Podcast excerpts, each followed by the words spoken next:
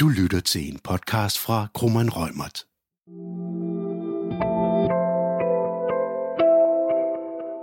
Velkommen til Krummeren Rømert podcast, hvor vi i dag skal have fokus på entrepriseretten. Jeg hedder Line Havndrup, og jeg er advokat ved Krummeren Rømert, hvor jeg beskæftiger mig med entrepriseret og projektudvikling af fast ejendom.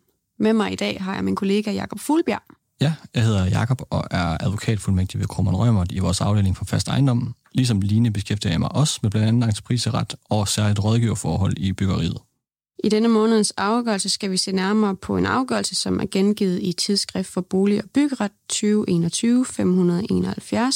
hvor voldgiftsretten tog stilling til, hvem af de involverede parter, der var ansvarlig i en sag om mangelfulde gulve. Afgørelsen her den er relevant for både entreprenør, bygherre og leverandør og illustrerer øh, ansvarsfordelingen mellem bygherre og entreprenør ved mangelfulde materialer. Og afgørelsen er desuden et praktisk eksempel på, hvordan hovedårsagslæren konkret kan inddrages i sager om entrepriseretlige mangler. Så lad os gå videre og se på, hvad der var afgørende for voldgiftsrettens resultat. Og indledningsvis vil jeg lige skitsere fakta i afgørelsen og ligesom få baseline på plads. Det var sådan, at bygherrerne indgik en aftale med en hovedentreprenør i forbindelse med en total renovering af en erhvervsejendom. Hovedentreprenøren stod for tømmerentreprisen og herunder gulventreprisen. De gulve, der skulle lægges, de bestod af nogle store sammenhængende gulvarealer af egeplanker af typen slotsplank, kvalitet rustik. Egeplankerne var udvalgt af bygherren blandt flere typer lamel parketgulve, som hovedentreprenøren havde bragt i forslag på baggrund af bygherrens ønsker til gulvets udtryk. Det var hovedentreprenøren, der skulle udføre undergulvet, og han havde så antaget underentreprenøren til at montere selve gulvene. De her gulvbrædder de var leveret af en leverandør. Forud for afleveringen konstaterede bygherren revner og delamineringer i flere gulvbrædderne. Tilsvarende blev der konstateret flere lignende problemer efter ibrugtagningen. Begge gange blev der i gang sat nærmere undersøgelser af gulvet. I en første mail til hovedarrangøren anførte leverandøren, at fejlene ved brædderne skyldes en sjældent forekommende produktionsfejl, i det limningen og vedhæftningen mellem slidlaget og den underliggende krydsfiner ikke var tilstrækkelig. Leverandøren vurderede, at det drejede sig om ca. 50 planker ud af i alt 9.000 leverede. Leverandøren skulle derfor foretage registrering af samtlige synlige fejl ved gulvene. Ved den her registrering viste der så hurtigt så mange fejl, at leverandøren stoppede den videre registrering.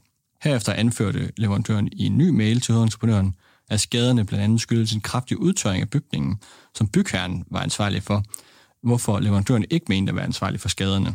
Bygherren indklagede herefter hovedentreprenøren for voldgiftsnævnet med påstand om erstatning for gulvbrædderne, såvel som for undergulvet, og det var opgjort til 3,3 millioner kroner eksklusiv moms. Hovedentreprenøren adciterede herefter øh, underentreprenøren og leverandøren til sagen med påstand om friholdelse af et hvert tab, som kunne henføres til enten underentreprenørens udførte arbejder eller leverandørens leverede materialer. Ja, og hvis man ser nærmere på voldgiftsrettens begrundelse og resultat, så kan man altså dele den op i to hovedtemaer. For det første, om gulvene var mangelfulde, og for det andet, hvem der var ansvarlig for manglerne. For at belyse det første, altså om gulvene var mangelfulde, der blev der i sagen udarbejdet en erklæring fra Teknologisk Institut, som blandt andet fastslog, at gulvbrædderne, der enten havde delamineringer eller kraftige revner, var mangelfulde. Der blev også foretaget syn og skøn i sagen, og skønserklæringen understøttede Teknologisk Instituts erklæring, i det skønsmanden også kom frem til, at der var en lang række synlige fejl og mangler ved gulvene. Voldgiftsretten tiltrådte skønsmandens vurdering om, at gulvene var mangelfulde, og voldgiftsretten udtalte, at udbedring vil kræve en fuldstændig udskiftning af gulvene i deres helhed. Voldgiftsretten fandt, at manglerne skyldes en produktionsfejl ved brædderne, og at det kunne lægges til grund, at produktionsfejlen fandtes i så stor en andel af brædderne, at det leverede gulv allerede af den grund var mangelfuld.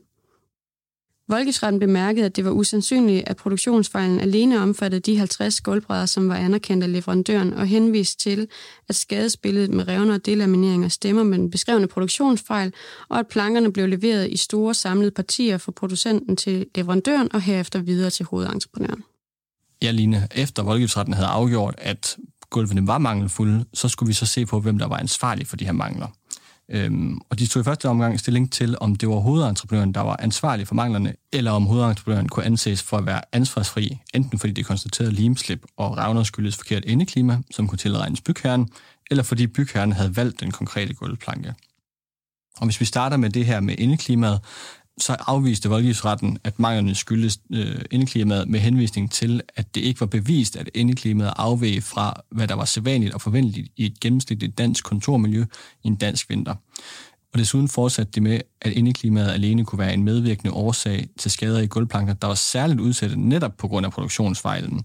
Øh, og desuden, at hovedentreprenøren klart og tydeligt burde have gjort bygherren opmærksom på, at de her leverede gulvplanker ikke var egnet til brug i et sædvanligt og forventet indeklima i dansk kontormiljø, hvis det var tilfældet. Herefter afviste øh, voldgiftsretten, at bygherren var ansvarlig for manglerne ved at have valgt den her konkrete type gulvbrædder. Og her fremhævede man blandt andet, at hovedentreprenøren havde bragt flere typer lamelparketgulve i forslag på baggrund af bygherrens ønsker til gulvets udtryk, og desuden at det ikke var bevist, at hovedentreprenøren ved en aftale eller på anden måde havde været begrænset i sit materialevand på en sådan måde, at han ikke havde mulighed for at levere mangelfri gulvplanker. Og derfor var der altså ikke grundlag for at fritage hovedentreprenøren for ansvar. Og derfor, hvis vi skal samle op, så blev øh, konklusionen altså, at i forhold mellem bygherren og hovedentreprenøren, der var hovedentreprenøren ansvarlig for det mangelfulde gulv, og skulle derfor betale bygherren den her udbedringsgodtgørelse på 3,3 millioner kroner eksklusiv moms. Og herefter gik øh, voldgiftsretten videre til de næste to led, øh, det vil sige forhold mellem hovedentreprenøren og underentreprenøren, og forhold mellem hovedentreprenøren og leverandøren. Og voldgiftsretten fandt, at underentreprenøren kun var ansvarlig for nogle mekaniske skader, øh, blandt andet nogle slagmærker, som i det samlede skadesbillede var helt ubetydelige og alene var af kosmetisk karakter. Og derfor blev underentreprenøren øh, i det hele frifundet. Derefter gik voldgiftsretten videre og så på forhold til leverandøren, hvor voldgiftsretten fandt, at leverandøren var ansvarlig for manglerne ved gulvleverancen, i det manglerne ikke kunne henføres til hverken bygherren, hovedentreprenøren eller underentreprenøren. Og derfor skulle leverandøren altså friholde hovedentreprenøren for et hvert beløb herunder sagsomkostninger. Hvis vi skal prøve at samle op her, så viser afgørelsen, hvordan voldgiftsretten metodisk først afklarer, om der er mangler til stede, og herefter går gennem de enkelte aftalte relationer, og for hver enkelt led vurderer ansvarsgrundlaget. Først tages der stilling til hovedforholdet mellem bygherren og hovedentreprenøren, og derefter de sekundære forhold mellem hovedentreprenøren og underentreprenøren og hovedentreprenøren og leverandøren. Udover voldgiftsrettens metode, så viser afgørelsen også særligt to materielle forhold, som er værd at se nærmere på. For det første er det spørgsmål om, hvorvidt hovedentreprenøren i forhold med bygherren var ansvarlig for plankernes mangler, og for det andet, hvordan voldgiftsretten konkret tog afsæt i hovedårsagslæren ved ansvarsfordelingen mellem de involverede parter. Hvis man ser på det første, altså mangelsansvaret for materialer, så kan vi lige starte med en overordnet teoretisk indflyvning. Overordnet kan materialefejl opdeles i to kategorier. På den ene side taler man om, at materialer kan være formålsuegnede, og på den anden side kan de være fejlbehæftet. Vi starter med formålsuegnethed, og den kan altså deles op i to underkategorier. Et materiale kan enten være generelt eller konkret formålsuegnet. Ved generelt formålsuegnethed har man et materiale, der aldrig kan anvendes til det konkrete formål. Det var altså ikke tilfældet i den her sag. Ved konkret formålsuegnethed, der har man materialer, som nok kan anvendes til det konkrete formål, men ikke i den konkrete sammenhæng. Og det var altså det, som hovedentreprenøren mente var tilfældet, og henviste til, at det var indklimaets skyld, de her gulvbrædder i den konkrete sag ikke var egnet. Om det er bygherren eller entreprenøren, der som udgangspunkt bærer ansvaret for formålsuegnethed, afhænger af, om bygherren kan sige at have foreskrevet anvendelsen af et bestemt produkt. Hvis det er tilfældet, så hæfter bygherren. Hvis bygherren derimod blot har godkendt et produkt, som entreprenøren har foreslået, så vil det være entreprenøren, der hæfter. Der er et vist omfang tale om en glidende skala. Man kan måske sige her, at voldgiftsretten læner sig mod et udgangspunkt om, at bygherren bærer ansvaret for formålsuegnethed, men samtidig med bemærker voldgiftsretten også i den konkrete sag, at hovedentreprenøren burde have gjort opmærksom på, at gulvplankerne ikke kunne anvendes i et sædvanligt og forventeligt indeklima i et dansk kulturmiljø, hvis altså det var tilfældet. Det vil sige, at hovedentreprenøren havde en indsigelsespligt.